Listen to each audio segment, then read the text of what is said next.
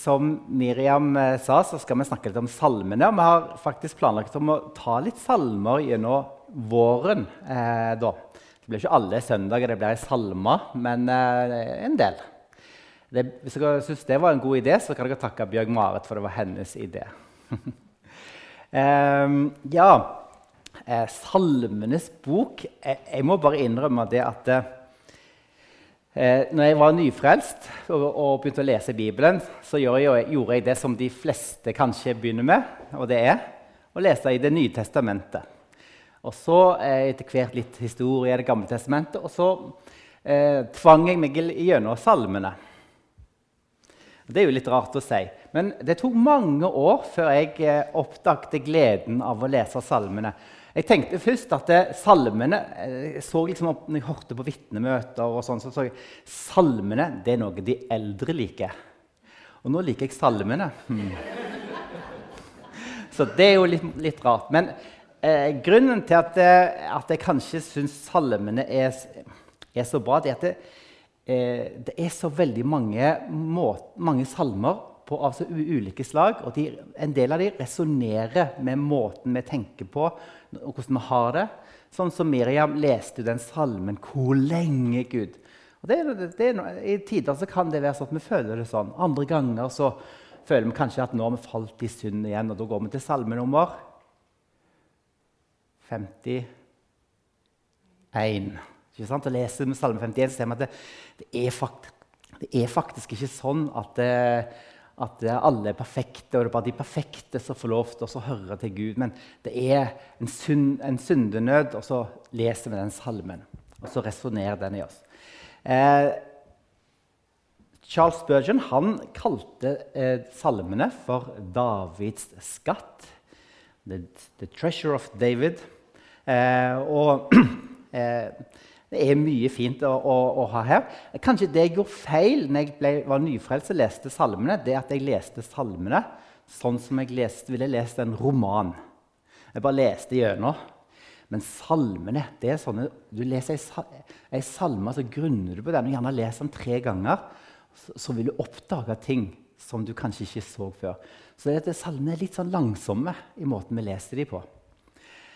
Eh, ja, jeg har et spørsmål.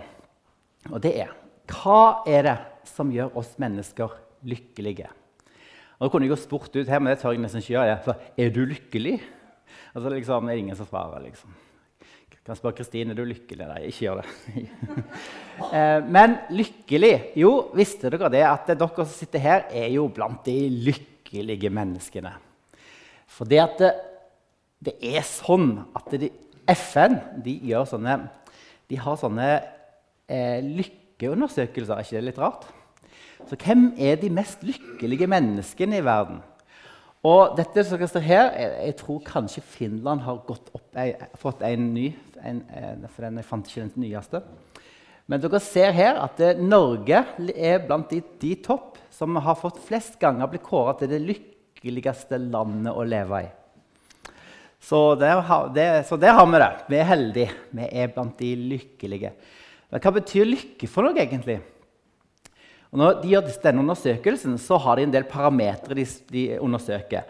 Og eh, Et lykkelig menneske i forhold til FN er basert på følgende Kan du gjøre egne valg over livet ditt? Eh, hvordan er det med økonomi, helse, oppfatning av korrupsjon i et land og sosialhjelp? Og Hvis disse tingene er på stell, da ryker du oppover i denne lista. Så de lykkelige menneskene det er de som har det godt økonomisk, sosialt osv. Men er det det som gjør et menneske virkelig lykkelig, egentlig? Og da har jeg tenkt å begynne med å lese for dere og gå gjennom to salmer i dag. Så håper dere har god tid. Eh, salme 119 først. Nei, det på tull. Hvis de de som er litt bibelsprengte, de, de skjønte det. Nei, det er altså eh, Jeg skal lese eh, jeg, jeg kom frem til, at jeg skal bruke tid på å lese dem. Jeg skal jo gå litt gjennom dem, men jo, vi leser salmene leser vi i sin helhet. Og Det er Salme 1 og Salme 2. Og Hvorfor velger jeg to salmer? Jo, fordi at de gamle kirkefedrene og, så videre, og det er gode grunner for dette, så på de to salmene som én salme. Kun én. Og Det har vært litt sånn omsokking av nummereringen i salmene. litt Senere i salmebok er det en annen salme også, som er slått sammen med en annen bak historien. Men uansett så hører de sammen på så mange måter. Så nå skal vi lese. Da begynner jeg i salme 1, og så bare leser jeg helt, helt til jeg er ferdig med salme 2. Salig er den som ikke følger lovløses råd, ikke går på synderes vei og ikke sitter i spotteres sete, men har sin glede i Herrens lov og grunner på Hans lov dag og natt. Han er like tre plantet ved rennende vann. Det gir frukt i rett tid, og løvet visner ikke. Alt han gjør, skal lykkes. Slik er det ikke med de lovløse. De er lik agner som spres for vinden. Derfor kan ingen skyldige bli stående i dommen, ingen syndere i flokken av rettferdige. For Herren kjenner veien de rettferdige går, men de urettferdiges vei fører vill. Hvorfor er folkeslag i opprør? Hvorfor grunner folkene på det som er forgjeves? Jordens konger reiser seg, fyrstene slår seg sammen mot Herren og mot Hans salvede. La oss slite i stykker lenkene og kaste reipene deres av oss. Han som troner i himmelen, ler. Herren spotter dem. Så taler han til dem i sin vrede. I sin herme slår han dem med redsel. Det er jeg som har innsatt min konge på Sion, mitt hellige fjell. Jeg vil kunngjøre det Herren har fastsatt. Han sa til meg, 'Du er min sønn. Jeg har født deg i dag.' Be meg, så gir jeg deg folkeslagene som arv og hele jorden i eie. Du skal knuse dem med jernstav slå dem i stykker som pottemakerens krukke. Dere konger, bruk forstand. La dem refse, refse hersker på jorden. La dere refse hersker på jorden. Tjen Herren med ærefrykt. Gled dere og skjelv for ham. Kyss jorden, så han ikke blir harm, og dere går til grunne på veien. For hans vrede kan snart flammes opp. Salig er den som søker tilflukt hos ham.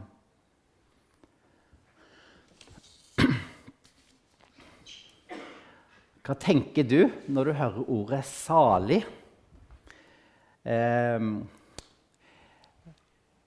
det er, kan jo oversettes med å være lykkelig.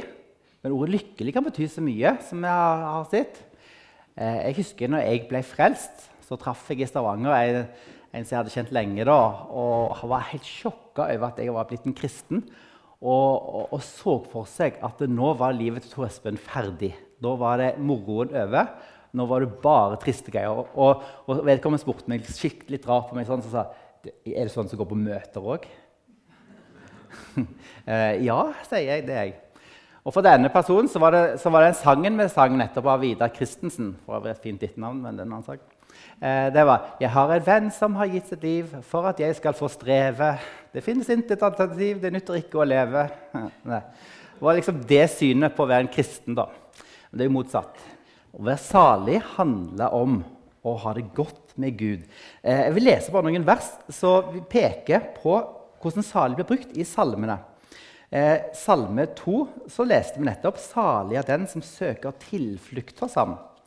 I Salme 32 så står det Salig er det mennesket som Herren ikke tilregner skyld, som er uten svik i sin ånd. I 32,1.: Salig er den som har fått sin overtredelse tilgitt og sin synd skjult. Salme 34, vers 9. Smak og se at Herren er god. Salig er den som søker tilflukt hos ham. Og i Salme 42, vers 5. Salig er den som stoler på Herren. Så ordet 'salig' betyr ikke nødvendigvis det samme som å føle seg lykkelig, sånn, sånn som du, kanskje noen ville føle seg hvis de eh, gifte seg nettopp, eller et eller annet sånt. Altså, ikke bare at det, ikke legg, ikke legg noe vekk på ordet 'nettopp' nå, da. eh, men eh, det handler altså om eh, at du innser hva for en gledelig situasjon du er i. Du har det godt med Gud. Eh, I bergpreken så innleder jo Jesus akkurat med ordet 'salig'. Salig er de fattige i ånden, leste vi. De som sørger, de som er rene av hjerte, de som stifter fred, som er forfulgt for rettferdig skyld. Hvorfor er disse salige? Jo, for himmelens rike er deres. De skal trøstes, de skal arve jorden, de skal kalles Guds barn, og de skal få himmelriket. De er salige. Det er er fattige i ånden. De som ikke får det til, de er de salige. Og Nå skal vi begynne med Salme 1 her, og se ordet, hvordan, hvordan salmisten beskriver de salige. Og Da begynner vi rett på. Salig er den som ikke følger lovløses råd, ikke går på synderes vei, ikke sitter i spotteres sete. Dette er fra eh, Norsk bibel 2011, eh, fra Bibelselskap sin oversettelse, som er en sånn oversettelse som hjelper oss litt til å forstå hva som ligger bak de ulike ordene. De har gjort noen valg her, for de har byttet ut her noen ord. For det står 'følger', 'går' og 'sitter'. Men hvis du går på den hebraiske grunnteksten, ser hva som står, så er det dette som står. 'Vandrer' står, 'sitter'. Det er jo litt morsomt, da. Eh, jeg er ikke sånn at jeg syns at, at, den er så veldig dårlig, den sånn som de oversatte, for det, det, betydningen de har, er den rette. Men det får fram en liten nyanser når du leser det på denne måten. For eh, dere, det, selv om det ikke er mange teologer sier at det, du kan ikke se på en progresjon i hvor gale det er. Lovløse syndere og spottere. Det er liksom ikke sånn at det går verre der. Det er liksom de som følger, de som er ugudelige. De som ikke eh, tro på, på Gud og, og, følge Hans lov. Men så står det at vi vandrer, stå og sitte. Det er på en måte en liten progresjon der. er det ikke det? Og på en måte, Hvis du vandrer, da eh, kan det være at du liksom du eh, følger rådene deres. Du er liksom en medvandrer, hører på folk. Du, du, er liksom Ja, hvordan skal vi gjøre dette? Og hører på hva folk syns og mener om ting. Da vandrer du etter lovløses råd. Men hvis du går på synderes vei, da har du liksom begynt å handle litt mer. Sant? da er det handlingene du, du, du, gjør ting som ikke er bra. Og, men det å sitte i spotteres sete, det er enda verre. For da har du begynt å og eh, liksom handle etter overbevisning. Og det å sitte ble jo brukt eh, ofte ved f.eks. en dommer ville sette seg når han skulle avsi dom.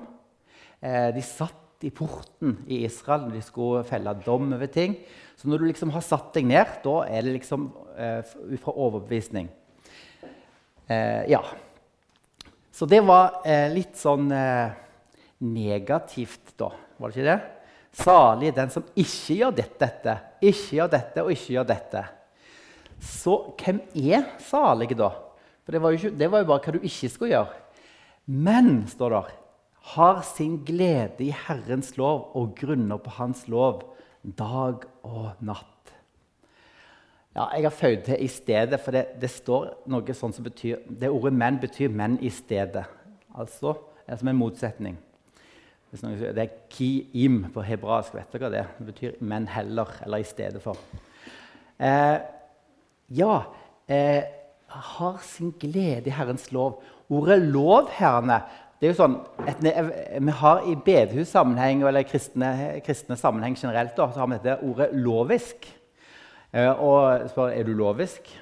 Det er sånn Nei, nei, nei, jeg er ikke lovisk. Og Ordet lovisk det er negativt. Å være lovisk det betyr at du liksom skal gjøre gjerninger for å bli frelst. Og, det, og, og, Veien fra å tenke sånn til å tenke at det er loven som får Det gamle testamentet er, er negativ og dum, er veldig kort og en felle vi kan gå i. Guds lov, Toraen, er hellig og god. Og jeg håper du har opplevd glede av å lese i loven. Tredje Mosebok med alle ofrene er det glede av å lese det. Det kommer litt an på hvordan du leser det òg. Men jeg oppfordrer deg når du leser Gammeltestamentet, å lese med dette spørsmålet i bakhodet. Hva forteller dette om Gud, og hva forteller dette om oss? Når vi leser i loven, så lærer vi Gud å kjenne. Og vi tror liksom at I loven er det den strenge Gud som ber oss om at du skal ikke gjøre sånn og du skal ikke gjøre sånn. Det er òg feil. For loven, Torah, betyr ikke, ikke, bud, det betyr instruksjoner. Og hva er det vi leser i loven mange plasser? Jo, det står veldig ofte at Herren er full av sannhet eller trofasthet og miskunn. Det er den Gud vi oppdager i Det gamle testamentet. Så når salmisten skriver at den grunne, den salige, den som har sin glede i Herrens lov og grunner på Hans lov dag og natt, da er det altså tredje Mosebok. dere. Det er fjerde Mosebok, første Mosebok. Det er hele Bibelen for oss i dag. Og eh, Jeg vet ikke hvordan du har det, men for meg så har det gått opp og ned. Det er noen ganger at jeg er litt sånn at det er plikt. Jeg leser Bibelen for plikt. Det er henne. Men jeg har en bønn som jeg ofte ber, og det er at Gud må gi meg glede i Skriften. Av å lese i Skriften. Gi meg glede og det er jo sånn at Du har sin glede i Herrens lov. Og ikke nok med det, men den salige grunner på han dag og natt. Grunne på han. Det ordet 'grunne' er litt morsomt. Eh, er det noen dere, eh, jeg spurte, når vi ser Hordaland-folk er like gode som de er på Moss. for det spurte jeg de, og det var, det var riktig for meg, jeg visste hva det betydde. Men et onomatopoetisk ord, vet dere hva det er? Ono, nei, det er ingen som rekte på det med en gang. Ah, her har vi en ungdomsskolelærer. Du hva det? Ja, det er et ord som er sånn at det, det du sier, høres ut som det du beskriver. liksom. Eh, F.eks. Hvis, hvis jeg sier at, eh, at jeg eh, eh, Ja eh, F.eks. Eh, hvis det smeller en plass, så sier jeg at det var et stort brak. Så på en måte brak er bare brak, ikke sant? Dere skjønner? Det minner litt om det. Hvis, telefon, hvis jeg ringte noen, så sa jeg ja, jeg ga vedkommende et pling. kunne vi ha sagt. Jeg vet ikke om noen av dere sier det, men det da sant? Jeg vet ikke. Da sender jeg en tekstmelding. Ja, ok. Pling! Eh, vi har flere sånne i Bibelen. Da. Hebraisk er faktisk et språk som veld, har veldig mye sånn bilder og bruker veldig sånn levende på den måten. For jeg skal ta et eksempel på et sånn onomato poetisk ord. I Salme 29 så blir ordet torden. Når jeg sier ordet, ordet for torden på hebraisk, så skjønner dere hvorfor, de kaller, hvorfor, det er torden. For det ordet der er raam. Da dere. Ser dere for det? Blink. Raam. Ja, det var forsøk på å få det til. Men over til saken. For det at det står ordet 'grunner på' her. Og 'grunner på' er et sånt et ord. Og det ordet der er ordet Haga. Kan, vi må prøve. Si det. Haga. Åh, kjente dere det kom litt, kjente dere det kom litt nedenfra her? Haga. Det ble faktisk også brukt om løver som brøler. Dere vet hvor løver det høres ut som det er sånn svært rom inni her. Så, ikke sant? Haga. Så det er et sånt ord. Så det ordet grunner på, det er sånn Haga. Så Se for deg du sitter og leser Bibelen. Haga. Okay. Så det er den salige der. Og hvordan er denne salige som har sin glede i Herrens lor? Jo, han er lik et tre plantet ved rennende vann. Det gir jo ikke mening for oss på Vestlandet. Dere. Her er jo vann noe man har nok av. Men den gangen så var dette veldig talende. For du kunne ikke bare plante tre hvor som helst og tro at det skulle gå bra. Det gir frukt i rett tid. Og løvet visner ikke. Alt han gjør, skal lykkes. Løvet visste ikke, gir frykt i rett tid. Dette er et fint bilde. Ha røtter ned i kilden og få vann, som om vi har røttene våre festa i Guds ord. Og på den måten får vi næring som vi bærer frykt. Dette er den salige dere. Men så kommer den lovløse. Og her har vi også, jeg, jeg, vet ikke om dette er meningen at det skal være et sånn onomatopoetisk ord, men, men, det står i Bibelen mange ganger når du leser i salmene og ellers i Gamle Testamentet, står det om den ugudelige, det står om lovløse osv. Det er det samme ordet som blir brukt hver gang. Jeg er såpass sær at jeg slår opp for å se. og Det er alltid det, er alltid det samme. stort sett. Og det ordet, det ordet lovløse, det er rashaim. Hvis, hvis, noen kaller, kaller, oss for rashaim Det høres ikke bra ut. Gjør det vel? Det høres ut som en slange. Rasha. For øvrig, det hebraiske ord for slange narash. Skjønner dere det? Rashaim, det er de lovløse. Og de er lik agner som spres for vinden. Og eh, nå har jeg endelig klart å funne et bilde som viser det der. De tresker kornet, og så hiver de det opp i lufta. Og så tar vinden og blåser vekk det lette, mens kornet detter ned. Og det, det, som blir blåst vekk, det er liksom forgjengelig. Det bare fer av gårde. Og, og, det er verdt nothing. Det har ingen verdi. Slik er det ikke med de lovede. De er lik agner som spres for vinden. Ok. Derfor kan ingen skyldige bli stående i dommen, ingen syndere i flokken av rettferdige. Oi, oi, oi alvorlige ord, dere. Ingen, ingen skyldige kan bli stående i dommen. Og det, blir, det, er ikke bare det, men for Herren Herren, Det er en skummel tanke. Gud vet alt. Herren kjenner veien de rettferdige går, men de urettferdiges vei fører vill. Dette var Salme 1. Og Hvis vi hadde stoppet der nå, så kunne jeg spurt dere ja, hvor mange av dere er det som føler dere veldig salige nå? Vi feiler jo alle. Den beskrivelsen av den salige Dessverre, den treffer meg ikke. Selv om jeg er en liten bibelnerd, så har jeg ikke glede i, i Herrens ord og grunner på det dag og natt, sånn som beskrivelsen er. Men vi alle feiler på så mange måter. Og da er det altså Salme 2 vil hjelpe oss her. For det er én person som virkelig kan kalles salig, og det er Jesus. Han, han levde 100% etter ordet. Han synda aldri. Han gjorde aldri noe galt. Som tolvåring i tempelet Allerede da så kunne han sette de skriftlærde der fast med sine spørsmål. Han grunna på ordet dag og natt. Beskrivelsen av den salige i Salme 1 er en beskrivelse av Jesus.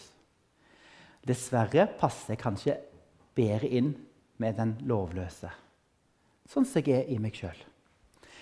Derfor så går vi til Salme 2. Og Salme 2 er, er egentlig altså en, en, bare en fortsettelse av Salme 1 historisk, ser det ut som. Den er skrevet i fire akter, kan vi tenke oss. Og den første akten den skjer ved et utenlandsk hoff. Eh, og begynner sånn Hvorfor er folkeslaget i opprør? Hvorfor grunner folken på det som er forgjeves? Jordens konger reiser seg. Fyrster slår seg sammen mot Herren og mot Hans salvede. La oss slite i stykker lenkene og kaste reipene deres av. Salme 2 er en av de mest siterte salmene i Nytestamentet. Den blir sitert flere ganger. Hebreerbrevet særlig. Der fins det mange sitater. I Apostelens gjerninger, kapittel 4, 25 òg. Og der blir altså disse versene her, hvorfor folkeslagene opprør osv., brukt om Jesus og hans rike. Nå var det sånn på den tiden at når en konge abdiserte av en eller annen grunn eller døde, så skulle et land få en ny konge. Da var det veldig vanlig at folk som var i pakt med den kongen, gjorde opprør. Det ser vi flere eksempler på i Det gamle testamentet. og jeg kunne jo nevnt flere, men jeg skal bare nevne ett av dem.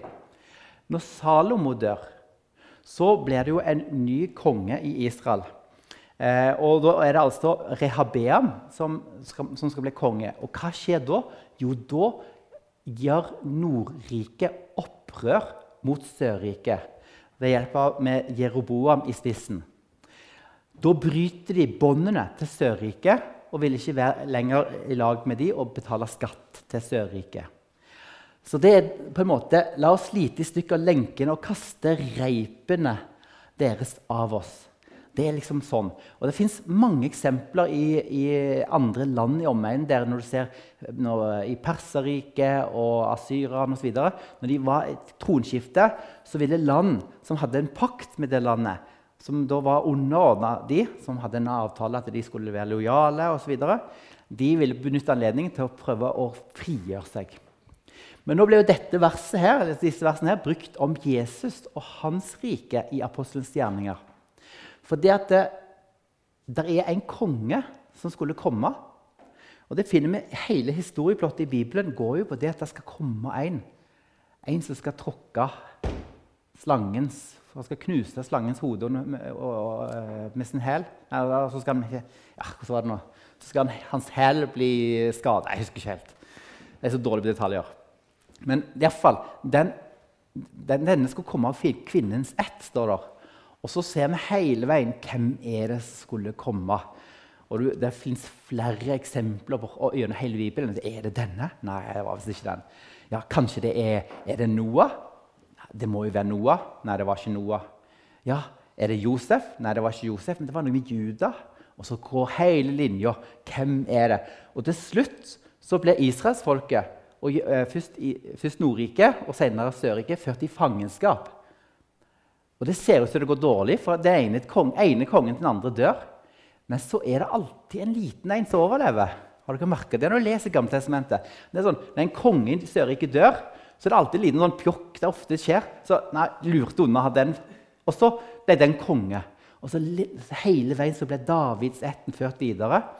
Og så plutselig inni, når dere leser, i, eh, når, dere leser når de har ført til fangenskap, så er det én som plutselig så blir, så blir, tatt heil og berga med seg til, til, Babylon, og som får lov til å spise ved kongens hoff. Og Så blir det videreført til Serubabel og så, så går linja. Og så plutselig så kommer det en som skal bli innsatt som konge, og det er Jesus. Men hvorfor er folkeslag i opprør ble nå brukt av motstanden mot dette riket, mot Guds rike? For de, de, de, ville jo ta livet av Jesus, og det, han mista jo livet sitt. Eller det vil si, han ga sitt liv for oss. Og så forfølger de etterpå de kristne. For de ville ikke vite av Jesus som konge. Men Jesus er kongen som skulle komme. Så kan vi gå videre til akt 2. Og Da er vi i himmelen. Og Der står det 'Han som troner i himmelen, ler.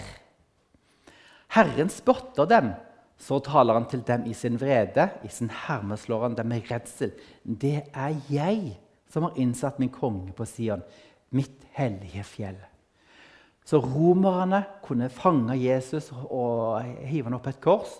Og de trodde at det, jødene trodde at nå var de kvitt ham, eh, Jesus. Men Jesus var kongen som var lovt. Og det er ikke bare sånn at det var liksom en sekt innenfor jødedommen som gjorde dette. Nei, det er jeg, sier Gud. Det er jeg som har innsatt min konge på Sion, altså det mitt hellige fjell. Og så får vi stemmen til kongen sjøl, for nå er vi på Sion i akt 3. Jeg vil kunngjøre det Herren har forsatt. Han sa til meg, 'Du er min sønn.' 'Jeg har født deg i dag.' Be meg, så gir jeg deg folkene som arv og hele jorden i eie. Du skal knuse dem med jernstav, slå dem i stykker som pottemakerens krukke. Er dette oppfylt? Både ja og nei. Det med å styre med jernstav finner vi Johannes' åpenbaring. Det fins ulike måter å se på det, og det skal vi ikke gå inn på i dag. Men at Jesus er blitt konge, og har bedt om å få alle folkeslag som arv, ja, det ser vi oppfylt. Gå derfor ut i hele verden. Gå derfor ut. Jesus han har vunnet seier. Han er blitt kongen. Eh, vi så, 'Du er min sønn, jeg er født deg i dag' blir ofte sitert i Bibelen. Hebreerne 1.3, 1.5 og 13.33 finner vi dette verset sitert. Vi ser òg noe lignende når Jesus ble døpt. For da var det en røst fra himmelen som sa dette er min sønn, den elskede. I ham har jeg min glede.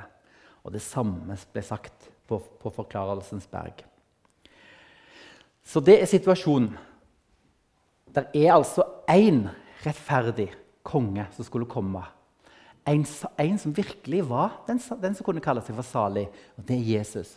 Og Derfor så kommer vi til akt fire, og da er det salmisten David som formaner.